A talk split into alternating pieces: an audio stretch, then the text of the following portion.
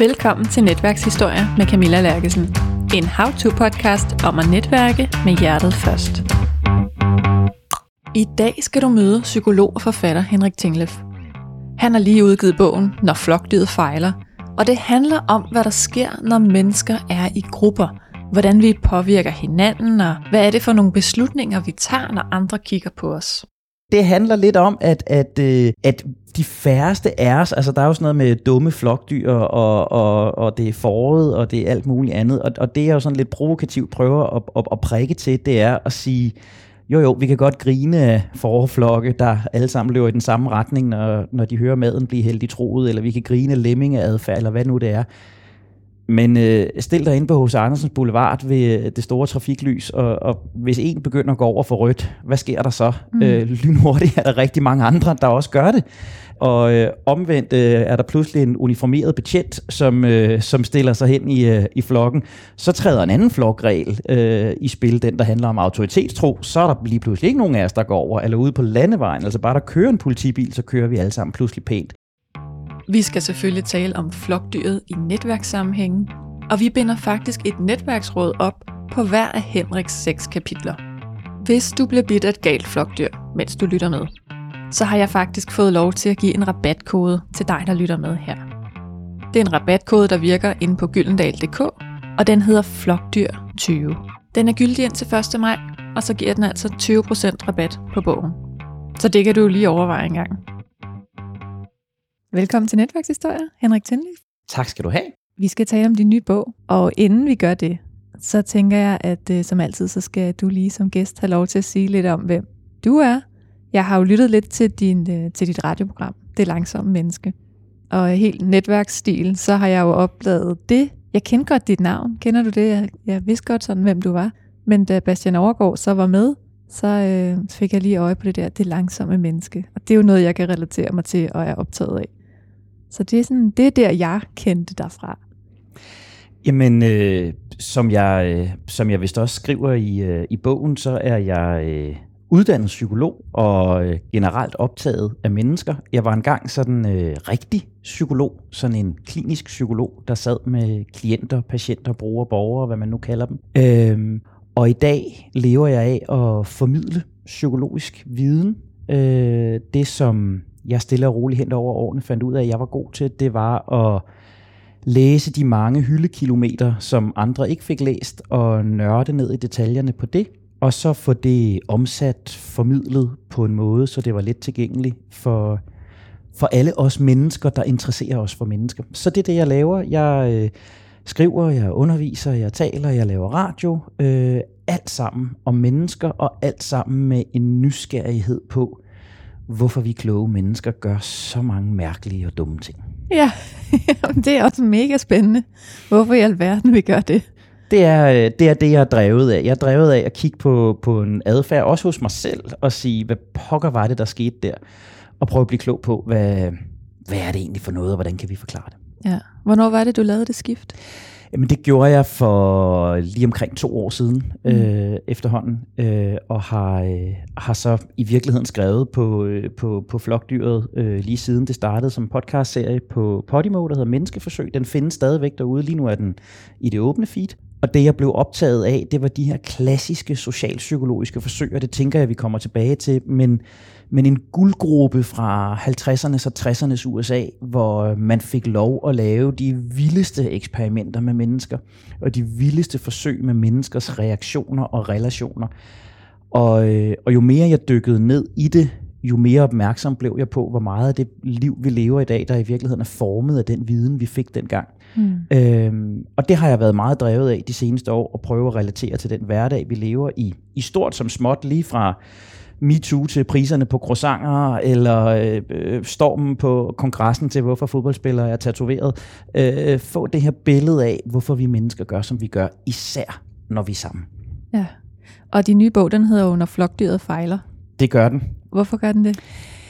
Jamen det gør den, fordi at det, som vi blandt andet lærer af, af de her klassiske socialpsykologiske forsøg, det er, at der sker noget med os mennesker, når vi er i flok både du og jeg har nok et øh, rimelig klart billede af, hvad vi er for et individ, hvad det er for etik, moralbegreber, vi arbejder efter, hvad vores værdier er, hvordan vi gerne vil fremstå.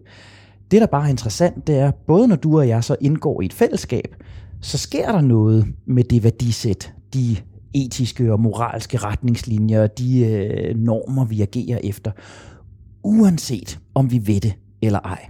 Og når vi kigger på mange af de øh, spøjse ting, som, som vi mennesker gør, vi der har universets bedst udviklede hjerne, og vi bliver ved med at lave tåbelige ting, der er ved med at være magtfulde mennesker, der bruger penge, der ikke er deres. Øh, vi bliver ved med at købe mærkelige ting, som vi ikke har brug for. Vi øh, går ind i sager, som måske er underordnet. Vi skændes på nettet, vi råber hinanden i trafikken, etc. etc.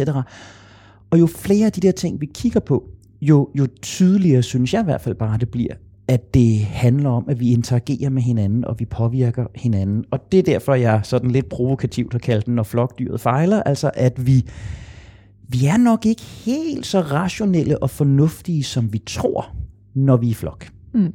Og apropos provokation, så er du sat for. ja, der forsiden. er nogle fine får på forsiden. Øh, og det, det handler lidt om, at, at, øh, at de færreste af os, altså der er jo sådan noget med dumme flokdyr, og, og, og det er foråret, og det er alt muligt andet. Og, og det er jo sådan lidt provokativt prøver at, at, at prikke til, det er at sige, jo jo, vi kan godt grine af forflokke, der alle sammen løber i den samme retning, når, når de hører maden blive heldig troet, eller vi kan grine lemmingeadfærd, eller hvad nu det er. Men øh, stil dig ind på hos Andersens Boulevard ved øh, det store trafiklys, og, og hvis en begynder at gå over for rødt, hvad sker der så? Mm. Øh, lynhurtigt er der rigtig mange andre, der også gør det. Og øh, omvendt øh, er der pludselig en uniformeret betjent, som, øh, som stiller sig hen i, øh, i flokken. Så træder en anden flokregel øh, i spil, den der handler om autoritetstro. Så er der lige pludselig ikke nogen af os, der går over, eller ude på landevejen. Altså bare der kører en politibil, så kører vi alle sammen pludselig pænt. Og gør ligesom alle de andre. Og det er foråret, det er lemmingeagtigt. øhm, og, og, og det er der ikke noget ondt i. Det er bare en præmis ved det at være menneskelig. Det er sådan den underliggende strøm i, i, i, i det, jeg arbejder med i øjeblikket, og det, som jeg skriver om her, at det at være menneskelig nok er noget andet, end vi hidtil har betragtet det som. Vi får sådan nogle associationer, når vi siger menneskelig, som at være inkluderende og empatisk og sød og rar og venlig. Men det er altså også menneskeligt at lyve og snyde og diskriminere og smykke sig med lånte fjer. Det er også menneskeligt, og det billede vil jeg også bare gerne tegne. Mm. Så hvad er det konkret, der sker, når flokdyret fejler? Jamen, så sker der det, at vi kommer til at træffe nogle valg, som vi nok ikke havde truffet alene, og som mange af os vil nægte, at vi vil træffe på et givet tidspunkt. Mm. Jeg bruger som et af mine eksempler, øh, bruger jeg stormen på kongressen i USA den 6. januar. Øh, de mennesker, der kender mig, vil vide, at jeg har en, en næsten fetishagtig øh, øh, fascination af amerikansk politik, og jeg sad øh, fuldstændig forstenet foran computeren og fulgte med på fire amerikanske tv-kanaler samtidig, da det udviklede sig hen over timerne der. Øh, og min påstand er jo, at det var ikke kun QAnon-tosser. Det var ikke kun øh, Proud Boys. Det var ikke kun ekstremister, der lavede det der. Det var også Jim, John og Jennifer ude fra Fort Wayne, Indiana, der var kørt ind i deres pickup truck, øh, men som pludselig var en del af et fællesskab, og pludselig var en del af af det, som der findes psykologiske beskrivelser af, der hedder deindividualisering, hvor det pludselig blev flokkens normer, flokkens værdier, flokkens adfærd, der blev definerende. Så, så den, den pæne majsfarmer ude fra Iowa, eller øh, den, den søde tankbestyrer ude fra Fort Wayne, Indiana, stod også pludselig og kastede med sten, eller greb til våben, eller råbte ting, som vedkommende aldrig ville have taget sin mund, fordi de blev en del af en flok. Og det var altså ved at udvikle sig til noget, der kunne være blevet endnu mere katastrofalt, end det i forvejen allerede var blevet. Og, og, og det er de store grælde eksempler. Men, men, men jeg griner jo også af, de sjove ting, ikke? og siger, jamen altså, hvorfor er der øh, kø? Nu var jeg øh, forleden dag lavet et interview med børsen, der havde fået den sjove idé at, at fotografere mig på Rhein van Havn. Nej, ikke på Rhein van Havn, på, hvad hedder den, La Glace øh, inde på strøget, fordi jeg taler en del om dyre croissanter og, mm. og faste lavnsboller i bogen. Øhm, og, og der stod Gud hjælp med lang kø ude foran La Glace øh, øh, torsdag eftermiddag øh, af, af mennesker, der skulle ind og spise dyr, dyr lavkage. Øh, og, og al respekt for mennesker, der gerne vil spise dyr lavkage en torsdag eftermiddag, det skal de ved Gud have lov til. Men, men jeg stiller bare spørgsmålstegn ved, om lavkagen er god, fordi der er lang kø, eller om der er lang kø, fordi det er god lavkage, om vi ønsker at spise lavkagen, fordi vi godt kan lide den, eller vi ønsker at spise lavkagen, fordi det er der rigtig mange andre, der gør, og vi vil gerne vise, at vi er også en af dem. Ja. Og på den måde er der mange små ting, vi gør i vores hverdag. Vi tilpasser vores påklædning til, til de mennesker, der også er i vores hverdag, som er på vores kontor. Jeg tog mig selv i, mens jeg skrev bogen her, at, at jeg havde været op og lave radio, og skulle ned og holde foredrag bagefter, og, øh, og, og radiobranchen er jo sådan kreativ klasse, jeans, t-shirts øh, segmentet, så, så sådan så jeg jo også ud. Og jeg tog mig god hjælpe med i, at jeg havde taget skiftetøj med til det arrangement, som jeg skulle ned og lave i, i sådan et, en pæn setting i, i Bredgade i København. Øhm, og, og er, det, er det dumt? Er det uklogt? Det ved jeg ikke, om det er. Det er bare interessant at betragte, at jeg bruger tid, energi og kræfter på at overveje min påklædning og skifte min påklædning, fordi det er andre mennesker, jeg skal ind til. Og jeg har måske virkelig gjort det begge steder. Så spørgsmålet er, hvad var egentlig Henriks påklædning, mm. og hvad var udklædningen eller uniformen, jeg tog på? Og der tror jeg bare, at vi nogle gange skal stoppe op et sekund og spørge os selv, følger jeg nu bare flokken? Tilpasser jeg mig bare, som et andet får? Eller er det her mit personlige valg? Og det er det, jeg prøver at eksemplificere igen og igen øh, i bogen her. Ja, jeg kan huske, at jeg talte faktisk med Nick Wittfeldt i en episode af Netværkshistorier, og vi kom ind omkring det her, fordi han var hjemme hos mig, og jeg havde sagt, at jeg har altså ikke noget at, at rydde alt det op, jeg gerne ville, og, og nu ved jeg også, det, det, det er bare dig, og vi kender hinanden lidt, så det er okay. Men hvor vi lige snakker om det der med, sådan, hvor går grænsen egentlig for, at man må også godt være autentisk og være sig selv, og hvis man ikke har haft tid, har man jo ikke haft tid, og men, men altså, hvor går grænsen så til bare at åbne i morgenhår og joggingtøj og have lavet det hele stå til? Fordi det skal jo være autentisk, og jeg var træt. Og, og så være høflig. Og jeg ved ikke, hvor grænsen går. Øh, øh, og jeg prøver heller ikke at definere den. Jeg prøver i virkeligheden bare at sige, vi har de sidste og jeg har jo selv bidraget til det. Jeg har jo, jeg har jo selv arbejdet i branchen i mange år. Vi har de her sidste 10-15 år talt rigtig meget individ. Hvordan når du dine mål? Hvordan bliver du den bedste udgave af dig selv? Hvordan udlever du dit fulde potentiale? Hvordan håndterer du din stress? Hvordan bliver du mere robust? Hvordan bliver du mere selvsikker? Etc. etc. Og det lille flag, jeg bare prøver at vifte med, det er det, der hedder, jamen alt det der, det, det er fint og det er godt, men vi kan pakke det fuldstændig sammen det øjeblik, vi træder ind i et rum med, med flere andre mennesker, for så sker der noget med os. Og noget af det er godt. Noget assimilering og tilpasning er rigtig, rigtig fint. Og en vis grad af dresscode eller fælles påklædning er selvfølgelig rigtig fornuftig i et fællesskab. Det er en af de små ting. Men det jeg bare prøver, det er at sige, at hvis vi skal lære det her op, og vi tænker det her ind i alt, hvad vi gør, så er det, at vi nogle gange kommer til at træffe nogle ukloge beslutninger, bare for at høre til i flokken. Et af de forsøg, jeg, jeg refererer, er jo sådan det her klassiske Edinas Halloween-forsøg, som, som er lavet med en række børn, der er ude og lave trick-or-treat på, på Halloween night. Og det han finder ud af, det er, at der er eksorbitant større sandsynlighed for, at de her børn tager mere slik, end de har fået lov til, eller tager flere penge, end de har fået lov til af sådan en skåle, der er stillet frem, hvis de er i flok, end hvis de kommer alene. Mm. Så, så, så lille Jim, eller hvem han nu er, kan komme med et moralsæt, som han overholder, når han selv går til slikskålen. Men i det øjeblik, han er en del af en gruppe andre børn, så tager han altså mere slik ned i skålen. Og det er bare for mig et eksempel, som er vigtigt at have i baghovedet og sige, jamen hvornår er det, at jeg navigerer mere efter, hvad flokken gør, mm. end hvad jeg egentlig selv ønsker. Og især viser de her forsøg, at hvis den første, der tager skålen, tager mere, jamen så er der endnu større sandsynlighed for, at Jim gør det. Ikke? Ja. Øhm, og det tror jeg bare, vi skal være opmærksom på. Ja, det er mega spændende. Så jeg kan vide, hvad det siger mig, når jeg tager allermest, når ingen ser det. så siger det jo bare noget om, om, om, om de regler, du har sat for dig selv, og dem er du jo fri til at sætte. Det interessante er, hvad der sker, når du så er sammen med andre. Ja, jeg har kun spist et stykke kage, hvis de andre har set det. ja. Nej, jeg har også siddet, da jeg læste den, ej, hvor har jeg set mange sådan billeder og anekdoter fra mit eget liv, fra mit eget indre, efterhånden, som jeg har læst igennem, og tænkt, hmm, så, så var det slet ikke særlig individualistisk, det der foregik der. Nej, og det tror jeg virkelig, det, det, jeg, jeg er jo glad for, at du kan kan danne dine egne billeder i det. Jeg, jeg prøver jo også selv at være ærlig hele vejen igennem. Jeg prøver jo ikke at være psykologen, der sidder jo oppe i elfenbenstårnet og siger, at det er sådan her, alle de andre fungerer. Øh, jeg deler også ud af rigtig mange eksempler af mine egne tvivlsomme valg og, og, og mine egne øh, tilpasninger. Og, og, og jeg tror netop, det du siger der, den konklusion, du drager, øh, er vigtig at sige, jamen, vi tror ofte, at det er et bevidst individuelt valg, vi har truffet. Og, og læner vi os så tilbage og lytter lidt til nogle af de klassiske øh, socialpsykologiske forsøg, jamen så vil vi nok finde ud af, at, at vi har været mere styret af vores ønske om at høre til, vores ønske om at være en del af flokken, vores frygt for at blive udskilt og, og udstillet, øh, end vi sådan lige går og tror. Ja. Har du sådan et favoritforsøg, favoriteksempel?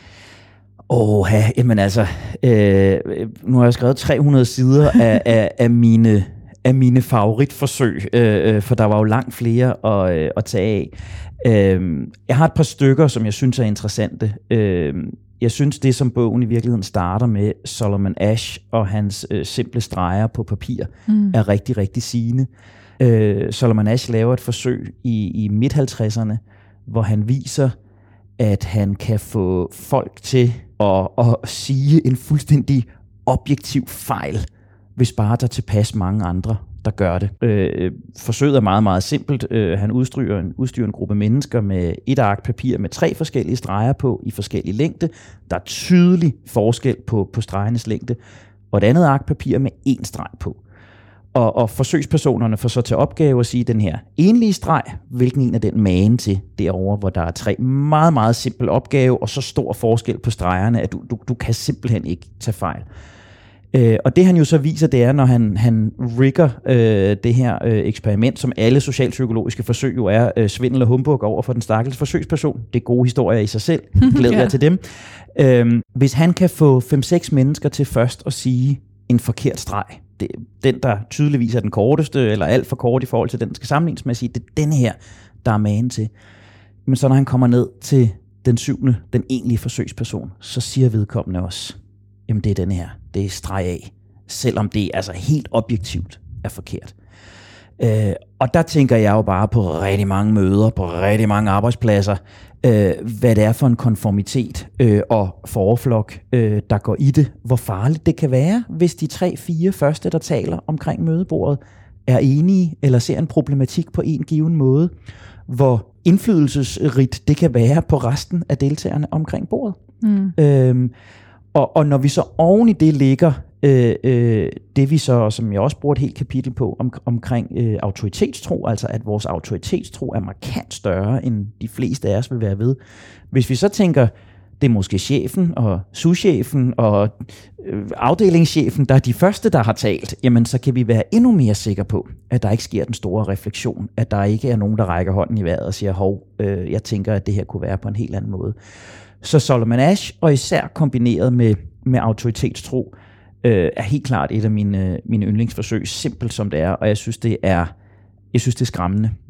Øh, så synes jeg, et af dem, som, som også betyder meget for mig, som sådan blev, blev kendetegnende for, for meget af den forskning, der, der kom til at foregå efter det, det er Aronson og Mills, der laver et øh, forsøg omkring effort justification. Altså i al sin enkelhed øh, viser de, at jo mere vi har lidt jo mere vi er gået på kompromis med os selv, vores værdier, vores adfærd, vores anstrengelse, vores tid, for at blive optaget i en gruppe, jo mere klar er vi til at forsvare den her gruppe og tale pænt om den. Mm. Også hvis vi finder ud af, at det er faktisk noget rigtig skidt, øh, vi, er, vi er kommet ind i. Øhm, og så kan vi alle sammen pege fingrene af rockerne og, øh, og sige, det er jo det, de har fundet ud af. Ikke? Benhårdt optagelsesritual, hvor du nærmest, øh, om ikke skal slå ihjel, så i hvert fald øh, uddele nogle tæsk og begå kriminelle handlinger for at få det eftertragtede rygmærke. Og så kommer du ind og finder ud af, at det eneste, vi egentlig laver, det er, at vi sidder og kigger på hinanden og pusser nogle motorcykler og vasker noget gulv. Men vi er klar til at forsvare det her med næb og klør, fordi vi har virkelig offret noget for at, at blive medlemmer. Ikke? Mm. Det, det kan vi jo grine af. Men alt imens, så øh, betaler vi 50% ekstra for flybilletten for at få fast track i øh, lufthavnen og sidde i et lidt større sæde øh, og, og få nogle peanuts, der er fuldstændig lige så dårlige øh, og drikke et lige så dårligt plastikglas øh, som, som dem, der sidder lige bag ved os. Øh, der er VIP-medlemskaber i fitnessklubber, øh, øh, hvor vi får et håndklæde, øh, øh, men vi har betalt mange penge, så det kommer vi virkelig til at tale øh, pænt om. Apropos hele overskriften her, altså med al respekt, jeg tror også, der er mange netværksgrupper derude, der, øh, der eksisterer på effort justification. Jeg er nu blevet optaget i det her øh, øh, denne her klub, øh, denne her ramme. Jeg har betalt for de dyre domme, jeg er blevet anbefalet af tre-fire andre. Og selvom jeg ikke rigtig får noget ud af det, øh, så bliver jeg ved med at komme, og jeg taler pænt om det, og jeg forsvarer det politiske partier, etc., etc., etc. Så jeg tror, vi rigtig ofte øh, kommer til at bruge en masse energi, en masse tid, en masse penge på noget, som simpelthen ikke giver os værdi. Ja. Simpelthen fordi vi bare har kæmpet efter det. Øh, i, I bogen eksemplificerer jeg også med IC4-skandalen, ikke? og siger, altså vi over 10-15 år kastede hundredvis af millioner efter nogle tog, der nærmest ikke kunne køre, men hele tiden efter devisen, nu har det jo kostet os så meget, nu har vi brugt så mange kræfter, nu har vi lagt så meget i det, men så skal vi have det til at fungere, så må det være godt. Ikke? Mm. Og der tror jeg da også, der er mange af, af pseudoprojekterne rundt omkring på arbejdspladserne, der, der lever efter, efter samme øh, princip, eller teams, der bliver ved med at være sammensat på den måde, som, som det er, fordi nu har vi kæmpet så længe, og, og så står vi sammen om det. Så jeg synes, Effort Justification, Aronson og Mills første forsøg, øh, øh, synes jeg er, er tankevækkende. Ja. Ej, hvor jeg også hæftede mig ved den sidste der. Jeg begge to faktisk, men, men jeg grinede bare mig selv, fordi nogle af de netværk, som jeg synes, det er de, altså det er de rigtig gode netværk, jeg er med i. Ikke? Det er også de rigtig dyre netværk, jeg er med i. Præcis. de er fandme gode. Bruger du det så, Camilla? Nej, men, men jeg, jeg føler, at jeg kan mærke værdien alligevel. jeg har i processen her med, med, med bogen, har jeg fået lov at være ude og, og, og, og teste nogle af forsøgene og eksperimenterne og eksemplerne af øh, rundt omkring. Og det har tit været i sådan nogle netværksgrupper. Jeg har jo hver gang rådet de her forskellige netværksledere til at sige, vi skal bare sætte prisen op ja. til det tredobbelte, så bliver, bliver folk gladere øh, for at være her. Øh, øh, og det er selvfølgelig ikke hele sandheden, men, men det sjove er, at det er bare en del af sandheden.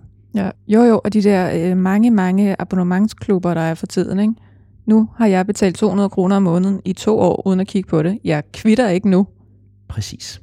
Fordi det har været dyrt, og jeg kommer heller ikke til at kigge på det, men jeg tager lidt over mere med 200 om måneden. Præcis. Og det, det er netop nogle af de der, hvor vi kommer til at bilde os ind, at vi træffer et individuelt bevidst valg, men hvor vi i virkeligheden bare er, jeg var lige ved at sige ofre for, men det synes jeg ikke, vi er. Vi er ikke ofre for. Vi er bare et produkt af øh, øh, mekanismer mellem mennesker. Mm. Øhm, og så tænker jeg jo, synes jeg jo selvfølgelig, at, og det bruger jeg jo også en del kræfter på, at, at, at det her spiller jo så sammen med, med det parameter, der handler om, at vi også bruger rigtig meget energi på at tage os godt ud. Ikke? Mm. At, at, at vi er villige til at gå rigtig langt og bruge rigtig mange kræfter på at, at tage os godt ud i, i den gruppe, vi så er blevet en del af.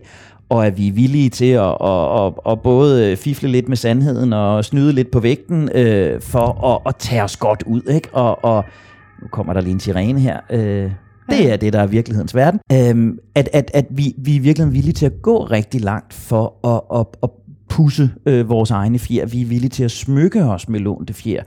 Og vi er villige til at løbe skrigende væk fra de der fjer, hvis de pludselig ikke er så, så, øh, så gode for os længere. Ikke? Mm.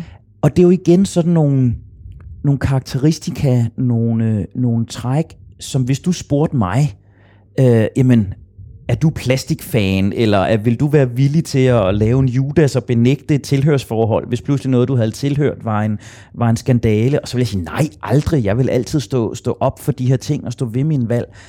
Det kan også godt være, at jeg vil. Forskningen viser os bare, at, at der er altså en 65-70% sandsynlighed for, at jeg vil være et af de mennesker, som ikke vil gøre det. Ja. Øhm, og, og, og, og det tror jeg bare er en, en, en vigtig viden for os at tage med derude. Øh, øh, og, og apropos der, hvor, hvor vi var for en halv time siden, altså, det er også menneskeligt, at, mm. at, at øh, folk, der har øh, støttet Nasser Carter og talt om Nasser Carter og, og måske ligefrem pralet lidt med venskab eller kendskab til Nasser Carter, pludselig er stille og, og, og bakker ud og, og får fjernet bøgerne hjemmefra fra bogreolen. Det er ikke fordi, de er dumme. Det er ikke fordi, de er nogle kryster. Det er ikke fordi, de er nogle judaser det er sådan, mennesker er. Ja. Hvad skete der med alle Liverpool-trøjerne, der var i gadebilledet øh, forrige sommer? Øh, alle øh, mellemlederne, der pludselig var, var Liverpool-fans, hvad blev der af dem? Hvad med alle Brøndby-trøjerne, der var der sidste år ved den her tid? Hvor er de henne nu? Øh, øh, og det er ikke, fordi Brøndbys fans er større plastikfans end, end så mange andres. Jeg har, det skjuler jeg ikke i bogen, et tilhørsforhold et helt andet sted. Øh, så det er ikke for at slå på nogen. Det er bare for at sige, at det er en del af menneskets natur. Ja. Og vi skal jo sætte det lidt over på netværk. Mm? Så lad os lige tage den kontekst der, og lige få sat dig ind i netværkskonteksten. Hvad, hvad er netværk for en størrelse for dig, Henrik? Jamen jeg tror jo, og det er, det er blevet spurgt om mange gange i, i, i herop til, til udgivelsen af bogen, om, om vi så skal være mindre sammen, og om, om det så er farligt, vi er i flok. Og, og så. Nej, der, der, der er masser af godt i det her. Fordi de her mekanismer, vi beskriver, de virker jo også den anden vej.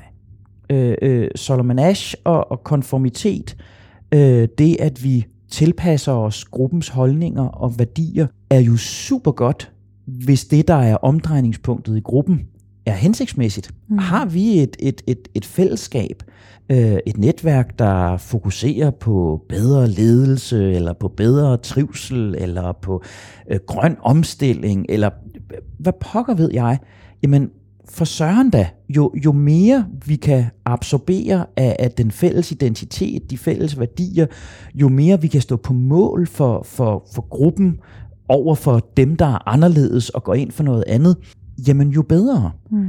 Øh, jeg, jeg blev spurgt, jeg blev netop spurgt forleden dag, om, om, om jeg så havde nogle, nogle, nogle øh, advarselstegn, øh, eller hvad det var, vi skulle være opmærksomme på. Og jeg siger, nej, jeg tror ikke, det her handler om, at, at vi skal skære ned på at være fælles. Jeg tror bare, vi skal vide, hvad det er, der sker med os, når vi går ind i et rum, hvor der er andre mennesker. Og, og vi skal ture træde et halvt skridt tilbage og sige, når man, jeg går ind i det her netværk for at blive inspireret. Jeg går ind i det her netværk for at få ny viden. Jeg går ind i det her netværk for at lære andre mennesker at kende.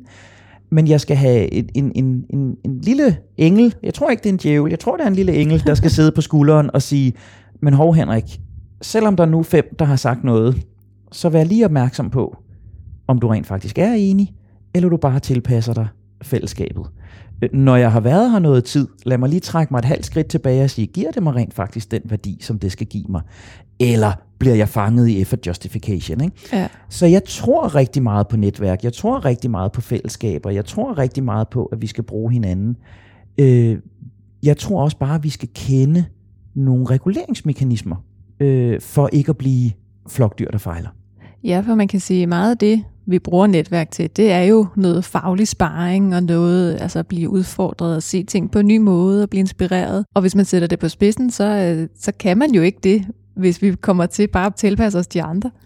Altså, så er det jo faktisk det modsatte, der sker, ikke? Jo, og det er jo så igen, det er jo så igen rigtig, rigtig fint. Øh, autoritetstro er jo godt, når vi har en autoritet med et prisværdigt mål og med en reel viden og med en god vision, så er autoritetstro jo rigtig, rigtig godt. Det, at, at vi øh, som vi ikke har været inde på endnu, men som også er et kapitel, der handler om dem og os, og, og hvordan vi slår ring om vores egne og kan bekrige de andre.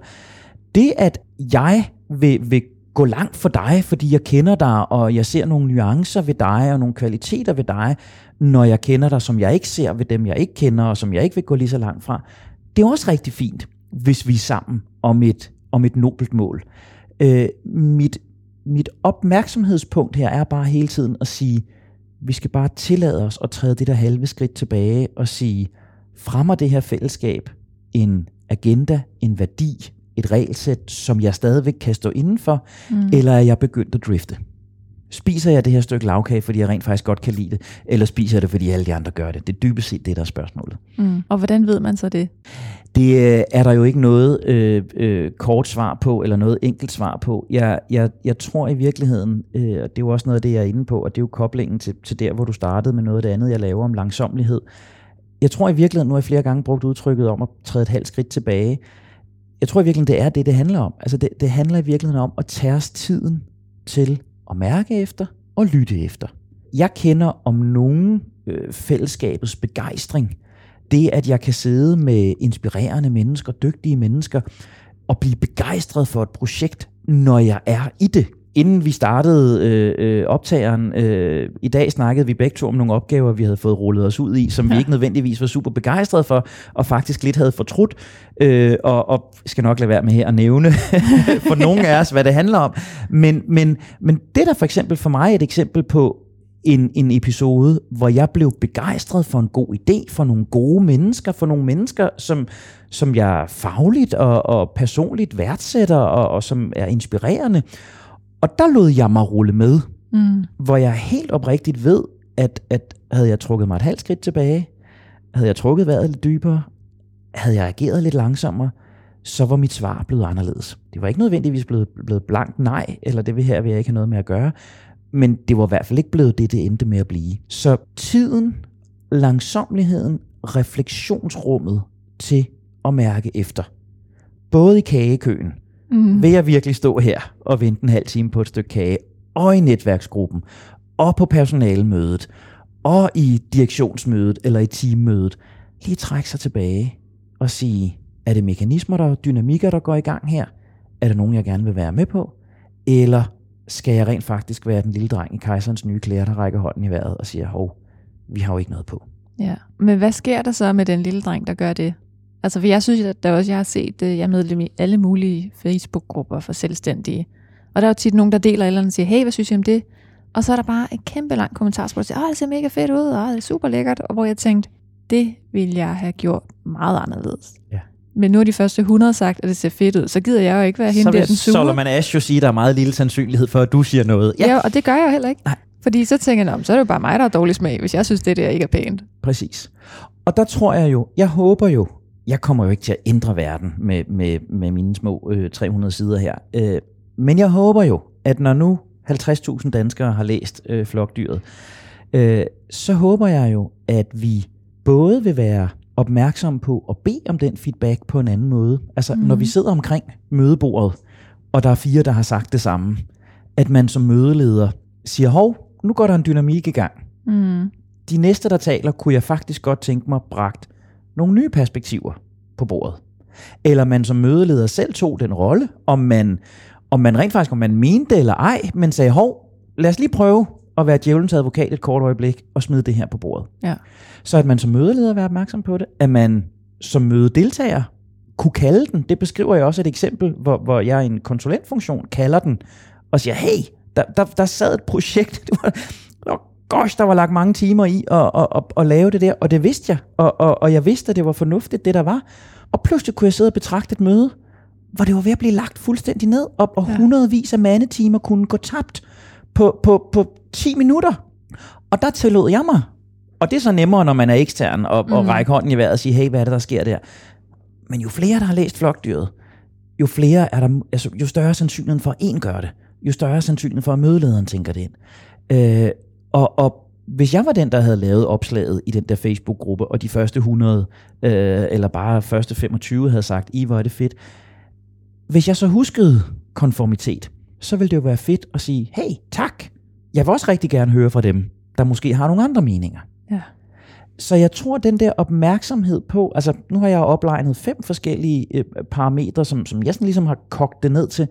Hvis, hvis, hvis vi er opmærksom på nogle af dem, så tror jeg, at vi kan hjælpe hinanden til at sige, hey, er det det her, der sker nu? Altså går der konformitet i den, og vi bare tilpasser os hinanden? Går der effort justification i den nu, at, at fordi det har været hårdt, og vi har offret rigtig meget, så er vi nødt til at fortsætte? Går der demmer også i den? Går der autoritetstro i den?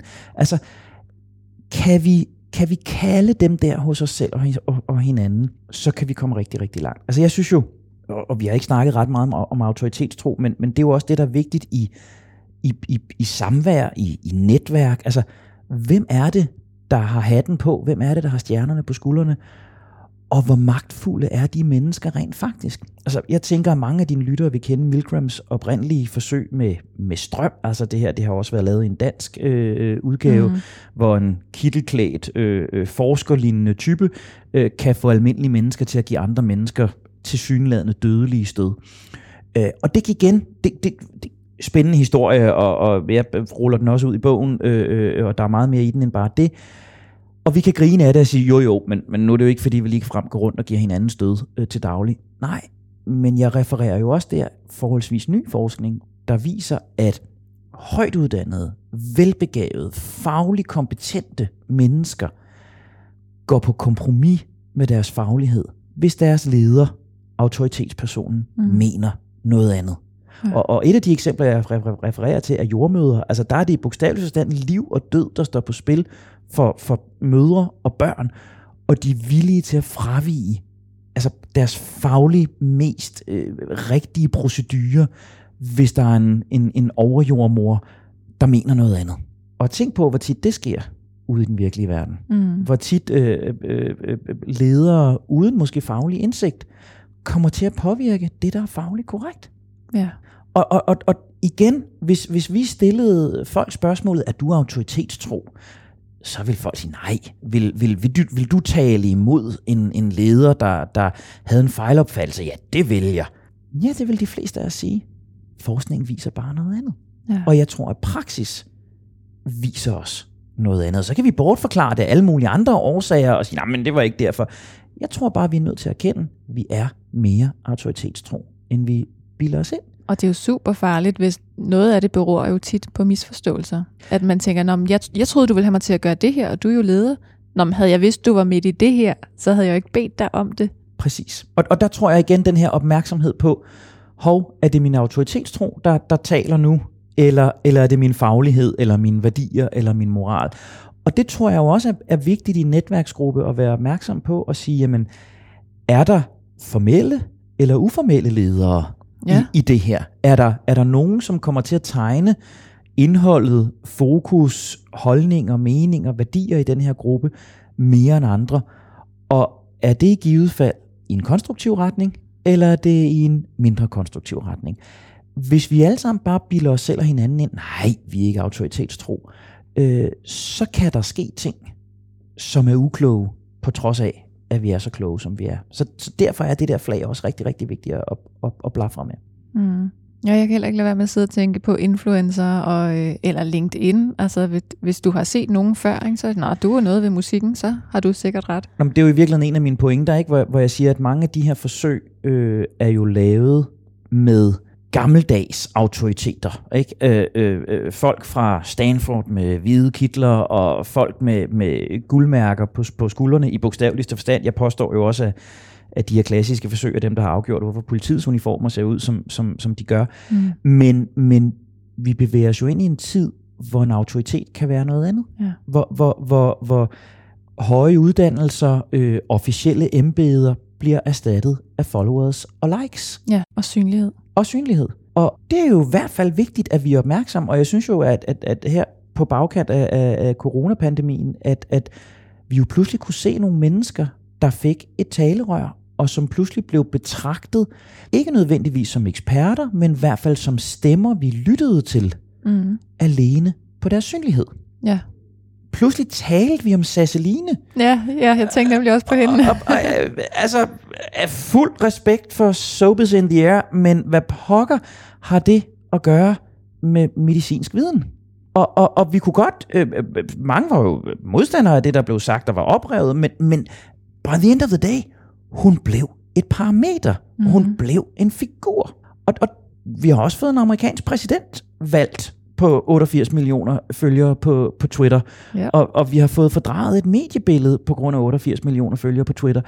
Øhm, så, så vi har en ny generation af magthavere, af autoritetspersoner. Og det er farligt, når menneskets autoritetstro er, som det er. Og så vil igen være der masser af dine lyttere sidde og sige, nej, men det kommer jeg ikke til at lytte til, og jeg har min egen dømmekraft, og det følger jeg ikke, den slags. Det håber jeg for dig, og jeg synes, det vil være rigtig fantastisk, hvis det er sådan, det er. Vi har bare så mange forsøg, der viser, at det gælder altså for 65-70 procent af os, at vi til en eller anden grad er langt mere autoritetstro, end vi går og tror. Ja.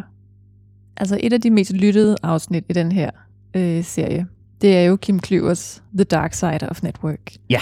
Fordi der er noget fascinerende, ikke? Ved det her. Altid sjovt at høre om vores mørke sider. Ja. Jamen det er det nemlig. Og der kan jeg jo godt blive fristet til at sige, men øh, når man tænker på, hvor farligt netværk jo faktisk kan være, når vi går sammen i flok, skal man så dyrke det mindre, eller gøre noget mere individualistisk for at undgå at blive påvirket, for at undgå, at alle bare giver ret i et eller andet? skal vi skynde os langt væk fra hinanden, undgå at samles øh, og ikke øh, agere i flok. Øh, corona var dejlig. Øh, nej, altså øh, det skal vi ikke. Øh, jeg tænker, der er to vigtige pointer her. Jeg tænker, der er rigtig meget, vi mennesker kan og skal lære af hinanden.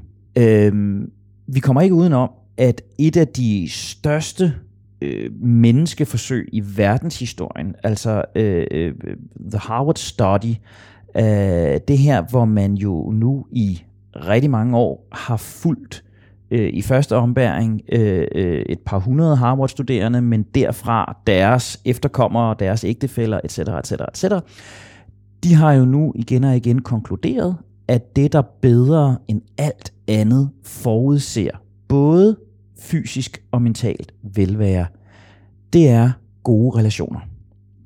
Du kan simpelthen øh, kigge på, hvordan folk vurderer deres relationer, og ud fra det kan du forudse øh, sandsynligheden for alt fra levealder til hjertekarsygdomme, til depressioner, til angst, til, til, øh, til øh, wealth, altså øh, rigdom. Så, så det, der skaber mennesker, der trives, det er relationer. Mm. Hvor skaber vi relationer? Det gør vi i fællesskaber, det gør vi i familier, familienetværk, det gør vi i, i organisationer, arbejdsnetværk, og det kan vi gøre i formaliserede netværk, netværksgrupper, hvad end det er Rotary eller øh, ENG eller hvad pokker det er. Øh, øh, så kæmpestort ja til fællesskaber. Øh, jeg prøver bare at sige, når vi går ind i de fællesskaber, så er der nogle opmærksomhedspunkter, vi skal have med os. Vi skal være opmærksom på, at vi er villige til at gå længere, end vi lige regner med, mm. for at blive en del af gruppen. Vi er villige til at gå længere, end vi lige regner med, for at forblive medlemmer af gruppen. Vi er mere adlydende over for formelle som uformelle autoriteter i gruppen end vi lige går og regner med. Vi bruger en hel del mere energi på vores egen position øh, og det at tage os godt ud i gruppen, end vi lige går og regner med. Og så kan gruppen, det er et af de parametre, vi slet ikke har været inde på endnu, men så kan gruppen rent faktisk også få os til at være mere passive, mere tilbageholdende, fordi vi kan regne med, at andre gør noget. Der er nok nogle andre, der tager ansvar. Der er nok nogle andre, der griber ind her. Så nu sidder jeg bare her og, og er med, og så er der nok nogen, der gør noget.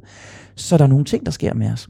Når alt det er sagt, så har jeg jo også et, et, et sjette kapitel i bogen, som handler om, om det gode menneske, altså som handler om alt det, socialitet øh, gør ved os. Altså at vi jo har lige så mange øh, øh, tankevækkende forsøg, øh, menneskeforsøg, som har skal vi kalde det, klassisk menneskelige øh, sider. Ikke? Altså at, at selv helt små børn er, er villige til at dele øh, mad med, med nogen, der mangler øh, at vi, øh, hvis vi sætter børn til at se dukketeater, øh, ser øh, nogle dukker, der mobber, og andre, der hjælper, og de bagefter får lov at vælge en af dukkerne, jamen, så vælger de automatisk dem, som, som hjælper, dem, som er omsorgsfulde. Øh, vi ser, hvordan lige præcis mennesket øh, har helt særligt, udviklet, helt særligt udviklet evner til at, at, at dele øh, ressourcer, øh, for eksempel mad. Øh, så, så vi har jo hele den her gode side. Vi har det her ønske om at være sociale, om at være støttende, om at være delende.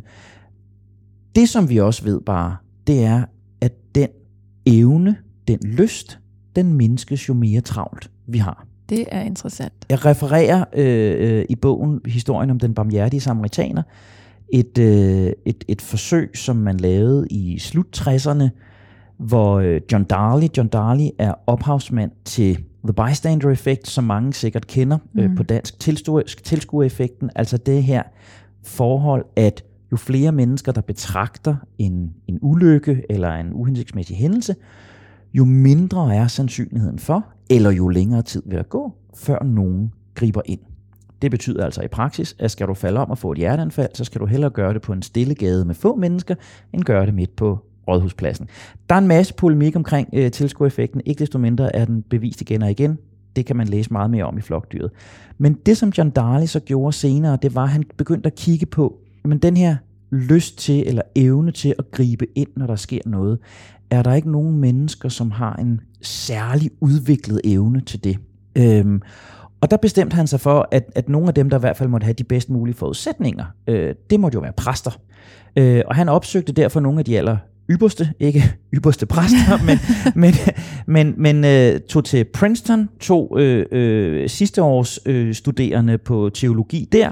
Her, her har vi altså at gøre med nogle af de allerbedst begavede, øh, bedst uddannede teologer i øh, USA.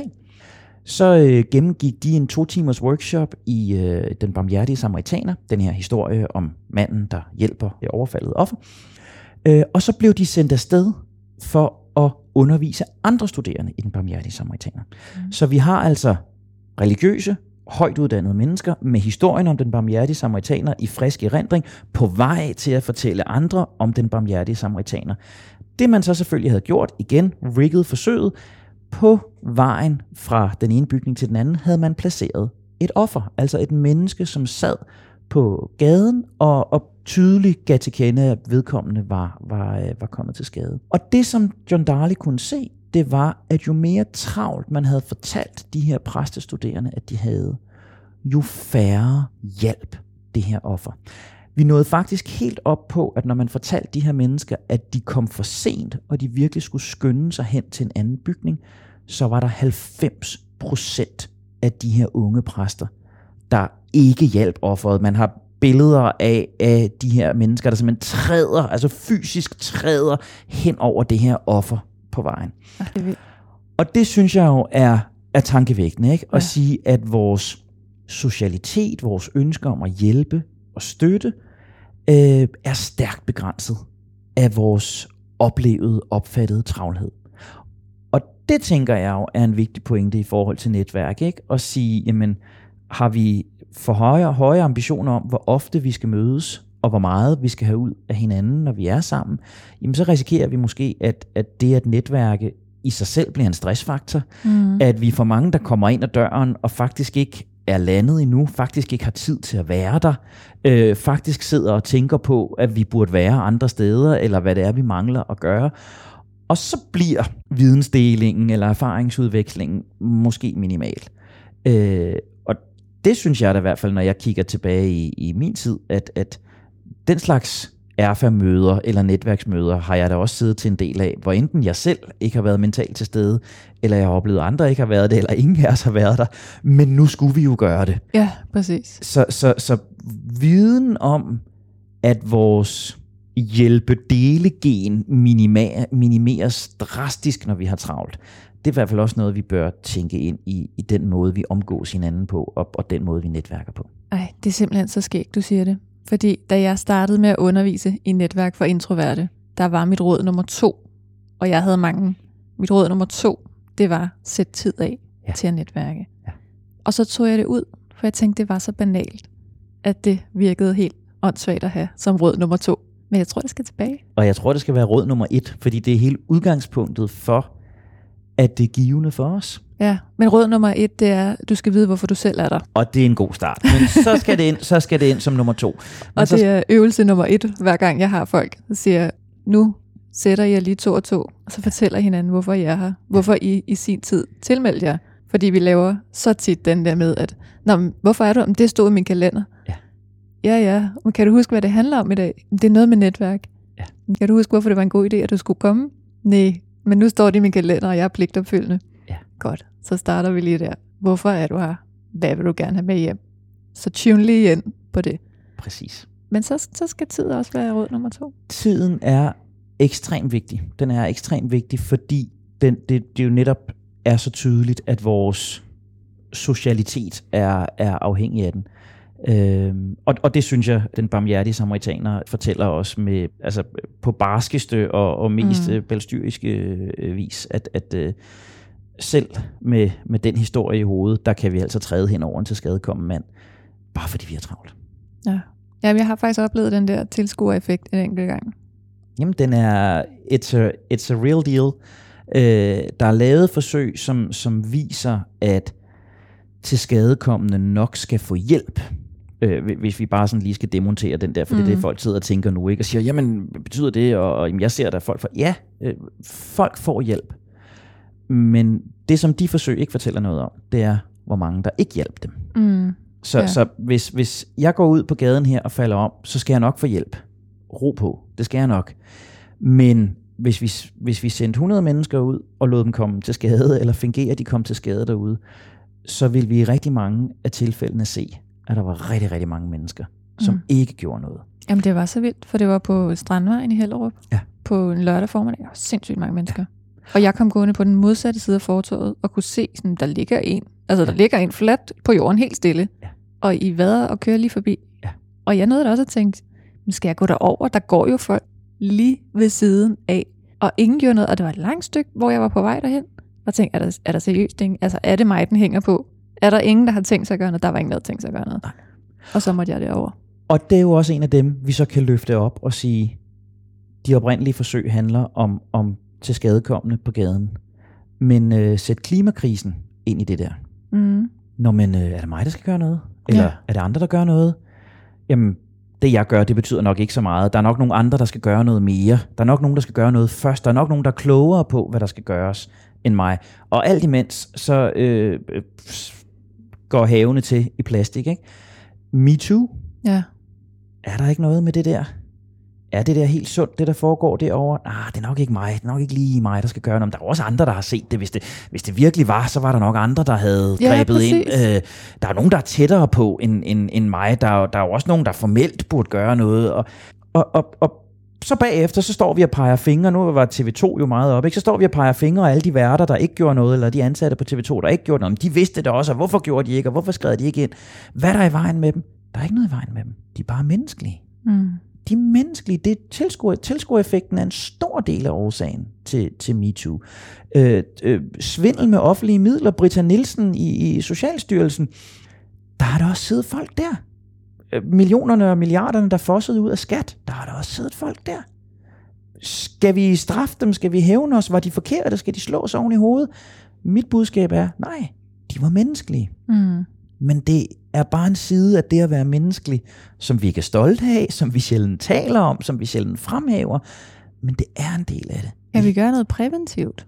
Jamen, igen tror jeg jo, opmærksomheden på, at det findes. Jeg, jeg har jo også beskrevet øh, tilskuereffekten i, i øh, Menneskeforsøg-podcasten, og der var en, der skrev til mig for nylig faktisk øh, en besked om, at hun havde siddet i tog, og, og der var en, der havde fået et ildebefindende, og hun havde handlet, fordi hun havde lige siddet og hørt episoden ja. om tilskuereffekten, og tænkt, hov, jeg er nødt til at gøre noget her. Ikke? Så på samme måde som med konformiteten, er mit, mit stille håb jo, at, at ved at vi lige får tilskuereffekten, bystander-effekt, op som et opmærksomhedspunkt. Ikke bare som noget, vi lærte om i psykologi i gymnasiet for 40 år siden, eller noget, vi læste om i en sjov artikel, men som en præmis ved det at være menneske.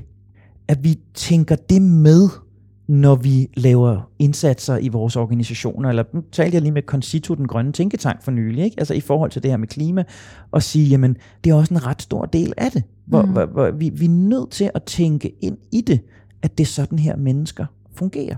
Så, så igen, vi skal have de her præmisser ved menneskelivet ind mere top of mind, end, end de er. Fordi så alene opmærksomheden på dem kan gøre, at vi kan tilrettelægge vores interventioner. Og jeg skal ikke gøre mig til MeToo-ekspert, og jeg skal ikke gøre mig til klimaekspert, og jeg skal ikke gøre mig til kontrolinstans-ekspert, men jeg vil hæve det flag og sige, hvis vi skal udtænke procedurer på en arbejdsplads omkring MeToo, så skal vi tænke tilskuereffekten ind i det. Hvordan gør vi det nemmere for folk at bryde tilskuereffekten? Hvis vi skal lave en klimaindsats, så skal vi tænke tilskuereffekten ind i den. Hvordan gør vi det nemmere for folk at bryde tilskuereffekten? Og noget af det, som vi ved omkring tilskuereffekten, for nu bare at blive der, det er jo, at jo tydeligere det er, hvem der har ansvaret, Mm. jo større er sandsynligheden for, at jeg bliver en god fodsoldat og følger med. Mm. Så er der nogen, der stiller sig forrest og siger, jeg tager den. Det ser du også ved en, ved en bilulykke. Når først der er en, der er stoppet op og begynder at gøre noget, så er det nemmere at være de andre, der siger, hey, nu så, kommer vi også. Det var det samme, der skete i Hellerup. Da Præcis. først jeg var i gang med at hjælpe hende op, så væltede det hen med folk, der Præcis. sagde, nej, har du styr på det? Skal jeg gøre noget? Skal jeg ringe efter nogen? Og folk, der holdt ind til siden. Og, og jeg synes jo også, at, at igen corona viste os, og så kan man være enig eller ej i, i, i nogle af de øh, øh, initiativer, der blev iværksat, men der blev meldt meget klart ud. Vi havde en, en, en leder, som bestemt har begået fejl i den proces, men som stillede sig forrest og sagde, det er det og det og det, vi skal gøre. Og så mm. lykkedes det rent faktisk også at få, få masserne med. Ja. Øh, øh, så, så, så det der samspil mellem autoritetstroen og tilskuereffekten, er vi bare nødt til at være langt mere opmærksomme på end, end vi ofte er i dag. Og så tror jeg, at det allervigtigste i det, det er øh, det blame game, som opstår, når vi glemmer tilskuereffekten. Jeg synes, det var ganske forfærdeligt, da den her famøse øh, TV2-dokumentar kom ud og høre på al den kritik, som almindelige menige medarbejdere, der havde passet deres arbejde på TV2, pludselig skulle udsættes for, jamen hvorfor mm. gjorde du ikke noget, jamen hvorfor gjorde du ikke noget, jamen du vidste det jo også, og øh, hvad der er i vejen med dig? Nej, der er ikke noget i vejen. Og det er det, der for mig er hele essensen af, af flokdyrsbogen, og det der er essensen af socialpsykologi, det er, når vi ser mennesker gøre noget aparte, noget anderledes, eller bare noget uhensigtsmæssigt, så i stedet for at gå den der destruktive vej på det og sige, hvad der er forkert med dem, der ikke gør, eller hvad der er forkert med dem, der gør, så lad os stille spørgsmålet, der hedder, hvad er det ved den menneskelige adfærd, som gør, at det, det er normalt? Mm. Og det er det, som de gode socialpsykologer tør at stille det spørgsmål og sige, hvad er normalt mellem mennesker, når de her ting sker? Når folk ikke griber ind, hvad er det så, der er normalt? Ikke hvad der er i vejen med de mennesker, som ikke gør det. Når folk følger op i flok og giver, giver ret i noget, som de objektivt set kan, øh, kan se er forkert. Øh, ikke hvad der er i vejen med ham den ene, der gør det. Nej, hvad normalt med mennesket, siden så mange af os gør det? Det synes jeg er et interessant spørgsmål, og det er det, jeg forsøger på, på, på 300 sider at give, give mine bud på, hvad, hvad, hvad menneskelighed også er. Ja, og så lad os prøve som en skæg lille afrunding. Og det bliver ikke en lille afrunding faktisk, fordi det, jeg synes kunne være sjovt at prøve, det var at koble et netværksråd på hver af de her ja. øh, kapitler. Ja. Og vi har jo været lidt omkring det på den første med konformitet. Ja. Og altså træde et halvt skridt tilbage. Ja. Og vide, at vi kommer til at give ret. Ja. Så hvad kunne netværksrådet lyde på den? I forhold til konformitet, så er det jo helt klart at sige, at vi skal designe vores møder, vi skal øh, planlægge vores talerække, vores interageren på en sådan måde, at vi modarbejder, når fire-fem mennesker har sagt noget, så er stilen ligesom lagt. Det mm. kan være ordstyren, der arbejder på det. Det kan være os som individer, der ved at være opmærksom på konformiteten, kan træde et halvt skridt tilbage og måske som en rolle, måske oprigtigt spille djævelens advokat, bringe nye parametre på bordet. Ja. Vi skal være opmærksom på, at der ikke går rundhyl i den for hurtigt. Ja, noget af det Ash gjorde, det var jo også at lade folk svare på papir. Præcis, og, øh, altså, øh, og det var jo det, der så var så sjovt, ikke? at det samme menneske, som, som sad og højt kunne sige, det streg af, hvis de fik lov at gå ind i rummet ved siden af og svare, eller hvis de skrev det ned på et stykke papir, så skrev de streg B, hvis nu det var ja. det. Ikke? Øh, så, så det er jo netop også et parameter at bruge, og sige, nu starter vi lige med at skrive ned, hvad vi, hvad vi egentlig tænker, og så læser vi op af det, i stedet for, at vi lader der gå rundhyl i den. Ikke? Ja. Men, men det handler i alt, alt sin enkelhed om, at sige, at vi skal have brudt det, at der kan opstå øh, en, en trådt sti, som resten kommer til at følge. Enten fra ordstyrens side, eller fra vores egen side. Det er der halve skridt tilbage. Mm. Og så er der en, der hedder Demmer os. Så er der en, der hedder Som vi ikke har været så meget omkring, faktisk. Har vi ikke været så meget omkring. Øh, øh, Demmer os øh, handler jo al sin enkelhed om, at vi mennesker har en meget høj tendens til at slå ring om vores egne, og det kan sådan set være fint, men jo mere vi slår ring om vores egne og bekræftes i, at vi er rigtige, jo mere sker der også det, at vi begynder at kigge på de andre og sige, at de er forkerte, og vi har tendens til at begynde at bekrige dem. Mm. Øh, og det, der er interessant, det er, at der ikke nødvendigvis skal ret meget til, at vi får defineret et os og et dem. Øh, det er jo for sådan en som mig, og igen, det nævner jeg ofte som, som, som kan bruge lidt mange kræfter på en fodboldklub inde på Østerbro i København, så er det jo nemt at sige, om os, der har den hvide bluse på, og, og så dem der, der har den gule bluse på, og dem hader vi, og vi elsker os selv og alt det her. Men, men det sker jo også på kontorgangene. Hvem, hvem har udsigt over vandet, og hvem har udsigt til gården, mm-hmm. hvem fik den nye kaffemaskine, og hvem fik ikke den nye kaffemaskine, øh, øh, hvem fik solgardinerne og ikke solgardinerne. Altså det er nogle gange meget små ting, der skal til, at vi bliver dem og os. Så et netværksråd øh, for mig vil, vil helt klart være at være opmærksom på dem også dynamikkerne, både internt i netværksgruppen, og i forhold til andre. Mm. Øh, og, og, og den nemme er jo i forhold til andre at sige, vi skal være opmærksomme på, at jo mere vi dyrker vores eget netværk, jo mere vi dyrker vores egen gruppe, jo mere kritisk vil vi helt naturligt blive over for de andre. Ja. Og være opmærksom på, jamen kommer vi pludselig til at sidde og bruge tid på at, at, at, at bagtale, eller nedrakke, eller betragter vi automatisk information eller emner eller temaer, der kommer fra andre som, som ligegyldige, som, som tåbelige, som øh, whatever, bare fordi de kommer derfra. Øhm, der kan vi snyde os selv for en masse information, vi kan snyde os selv for en masse viden, hvis vi bare sådan får stemplet, om det kommer jo et forkert sted fra. Så det tænker jeg helt klart er en ting at sige, at vi skal passe på, at vi ikke lukker os for meget om os selv. Så skal vi være opmærksom på, hvad der sker internt i gruppen. Øh, øh, for vi lavede en, en mini dem os, øh, dem der var her fra start, og mm. dem der mm. kom til senere. Oh, yeah. Det er jo et klassisk trick i, i, i Robinson, ikke? at vi bringer nye deltagere ind og, og ryster øh, de der grupperinger. Ikke? For vi skabt sådan nogle grupper, får vi øh, skabt nogle grupper omkring, øh, hvem har formelle titler, hvem er mødeleder, kasserer, øh, whatever, hvad det nu er, og, og, og, og hvem er menige medlemmer. Gør det noget, øh, hvor vi kommer til? Altså, så, så hvad, får vi for lavet, hvad får vi lavet såvel formelle som uformelle grupperinger internt i gruppen? Og det er ikke det samme som, at vi skal undgå det. Vi skal bare være opmærksom på, hvis vi diskuterer noget, hvis vi beskæftiger os med noget, er det så styret af oprigtige holdninger, meninger, værdier, eller ligger der måske en understrøm af, når det er bare fordi, det kommer fra dem?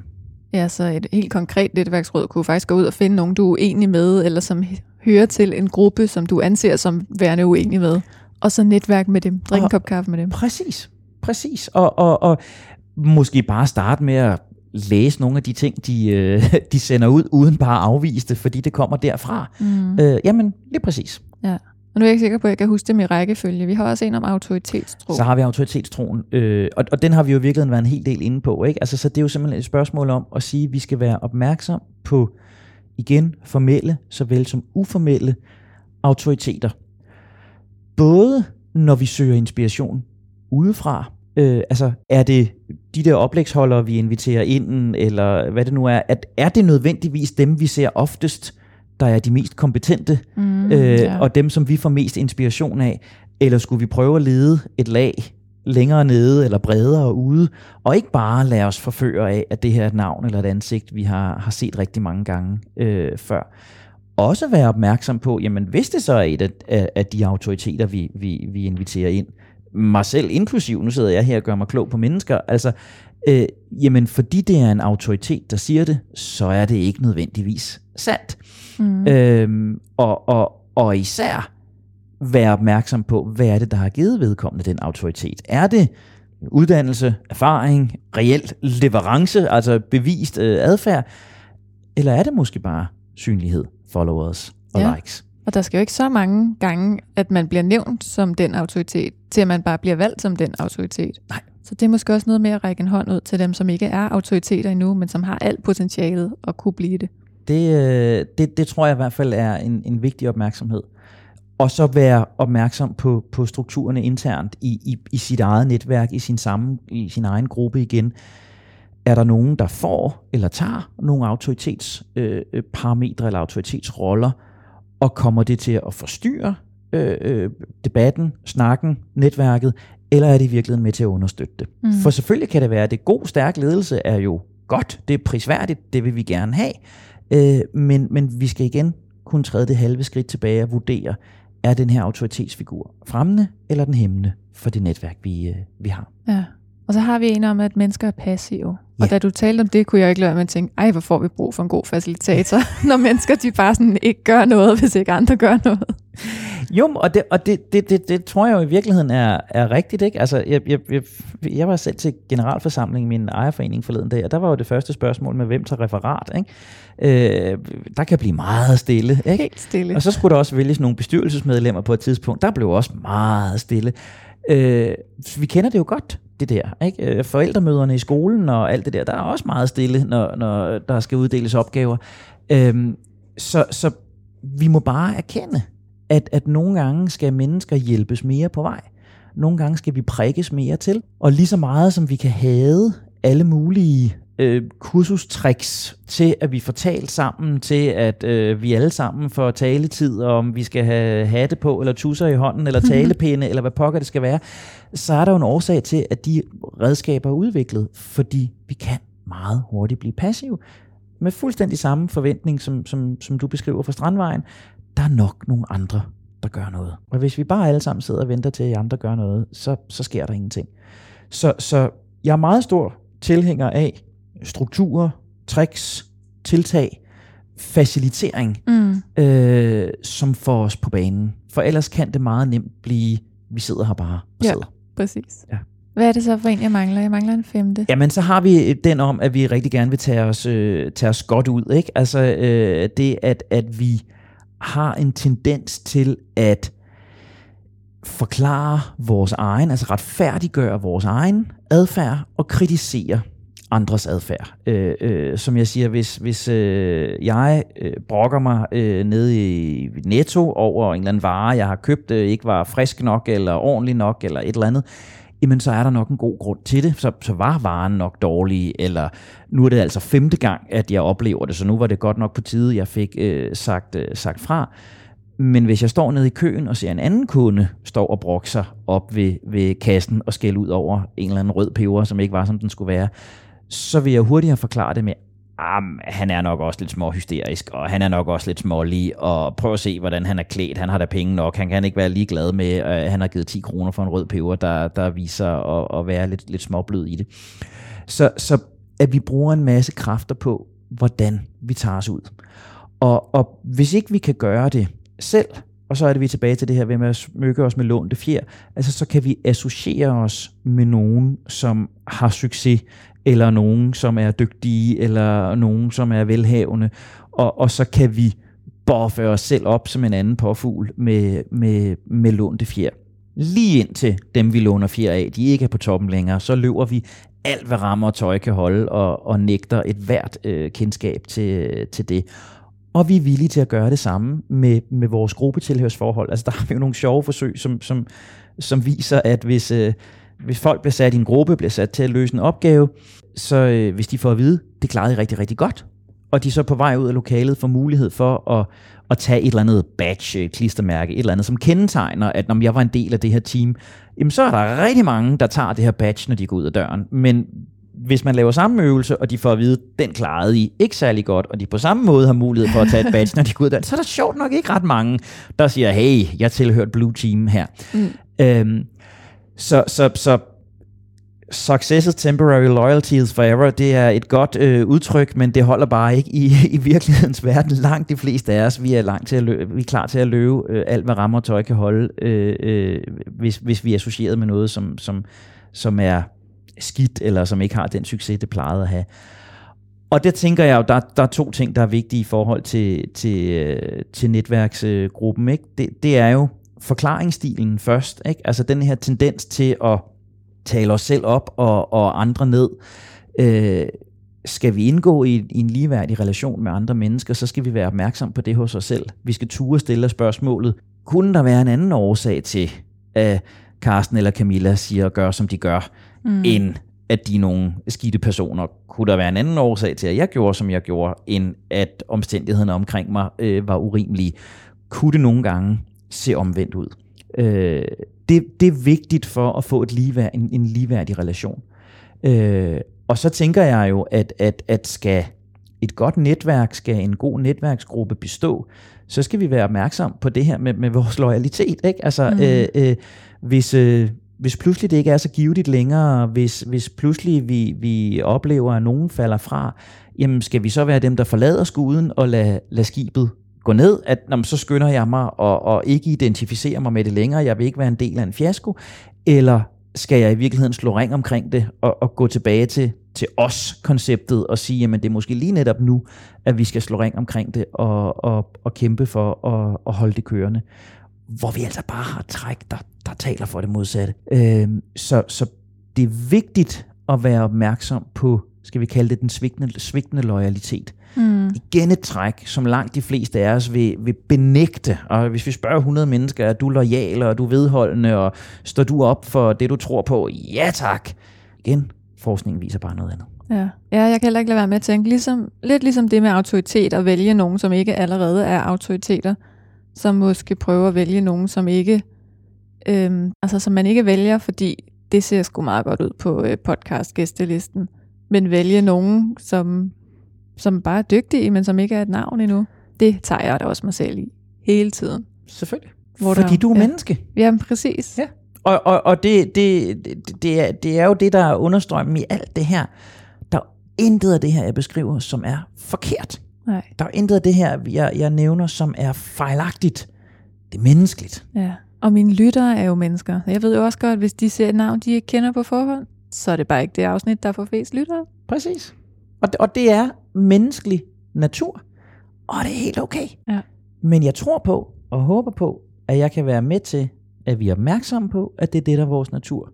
Og vi nogle gange trækker vejret og lytter til den der episode med Jørgen Clausen, som vi ikke kendte, og, og, og, og var åbne og, og modtagelige over for det. Og at vi nogle gange stopper op og siger, hey, det kan godt være, det ikke er super fedt at, at associere mig med, med det her, den her virksomhed, eller den her gruppe, eller den her, det her projekt lige nu. Men det er måske netop nu, det er så allervigtigst, at jeg gør det. Ja. Et cetera, et cetera, et cetera. Lige være opmærksom på de der flokdyrstræk, som ikke altid er hensigtsmæssige. Jeg har et rigtig pinligt eksempel, hvor det virkelig ramte mig i nakken. Eller fordi, bare fordi det var pinligt. Det var decideret pinligt. Det var nemlig sådan en, hvor jeg lige skulle pynte mig med lånte fjer. Jamen, jeg kender ham faktisk lidt, ham der. Og det var da Peter Madsen forsvandt med sin ubåd.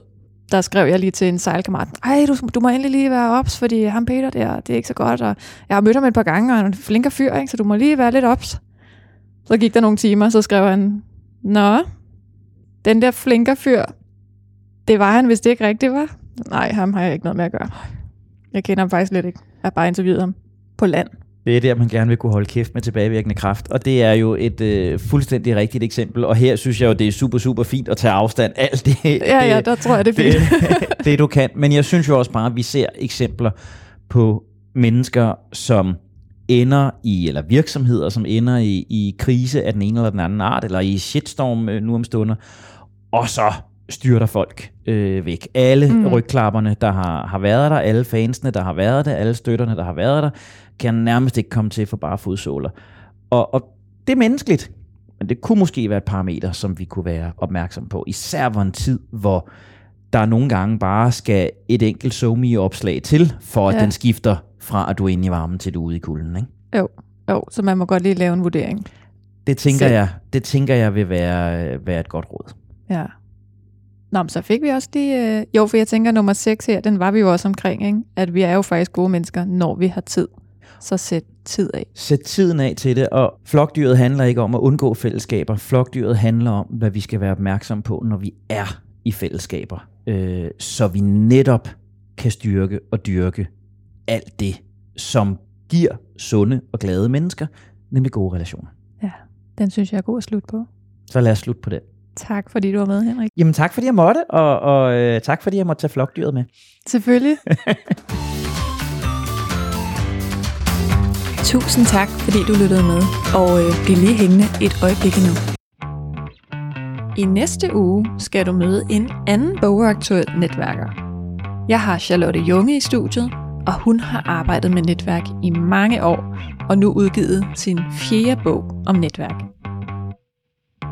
Den hedder Netværk, sådan gør du, og den udkommer her i slutningen af april. Charlotte og jeg, vi har en lang og spændende samtale om do's and don'ts, når man netværker, og hvad netværk egentlig er for en størrelse. Jeg tør godt love dig, at du ikke kan undgå at blive klogere efter en time i Charlottes selskab. Så det her, det er en episode, jeg har glædet mig rigtig meget til at dele med jer derude. Det der, der hvor et kaffemødefælden, den, den bonger ind, det er dem, som tænker, om okay, nu, nu skal jeg have et nyt job, øh, eller det kan også være i andre sammenhænge, men det er typisk, øh, som sagt, i jobsøgningssammenhænge, så skal jeg netværke, og så, og så øh, inviterer de sig til kaffe øh, ved alle mulige forskellige i deres netværk, uden at have tænkt i relevans, uden at have kvalificeret, og, og render så rundt til de her kaffemøder, og med, med al respekt, men i virkeligheden både spilder deres egen og andre menneskers tid med at pitche, at jeg kan det, og jeg kan det, og jeg vil gerne arbejde med dit, dyt, dat. Men, og hvad skal andre mennesker bruge det til? De er jo ikke, øh, andre mennesker er ikke sat i verden for at være vores jobsøgningsagenter. Mm. Øhm, så, så, så, så det er simpelthen i den grad at falde pladask ned i kaffemødefælden. Ikke? Og den skal man simpelthen afholde sig fra. Og det er derfor, jeg hele tiden gentager det der med, husk nu valutaen. Vi udveksler det i viden, det er informationer, det er sparring, det er kontakter. Ræk ud til dem, du tror, der kan hjælpe dig der, eller til dem, du, du tror, det du kan give er relevant for. For det kan også lige så godt være den anden vej rundt. Ikke? Vi lyttes ved i næste uge til en ny episode af Netværkshistorier. Den her episode er klippet af Amanda Giroux. Tak fordi du lyttede med.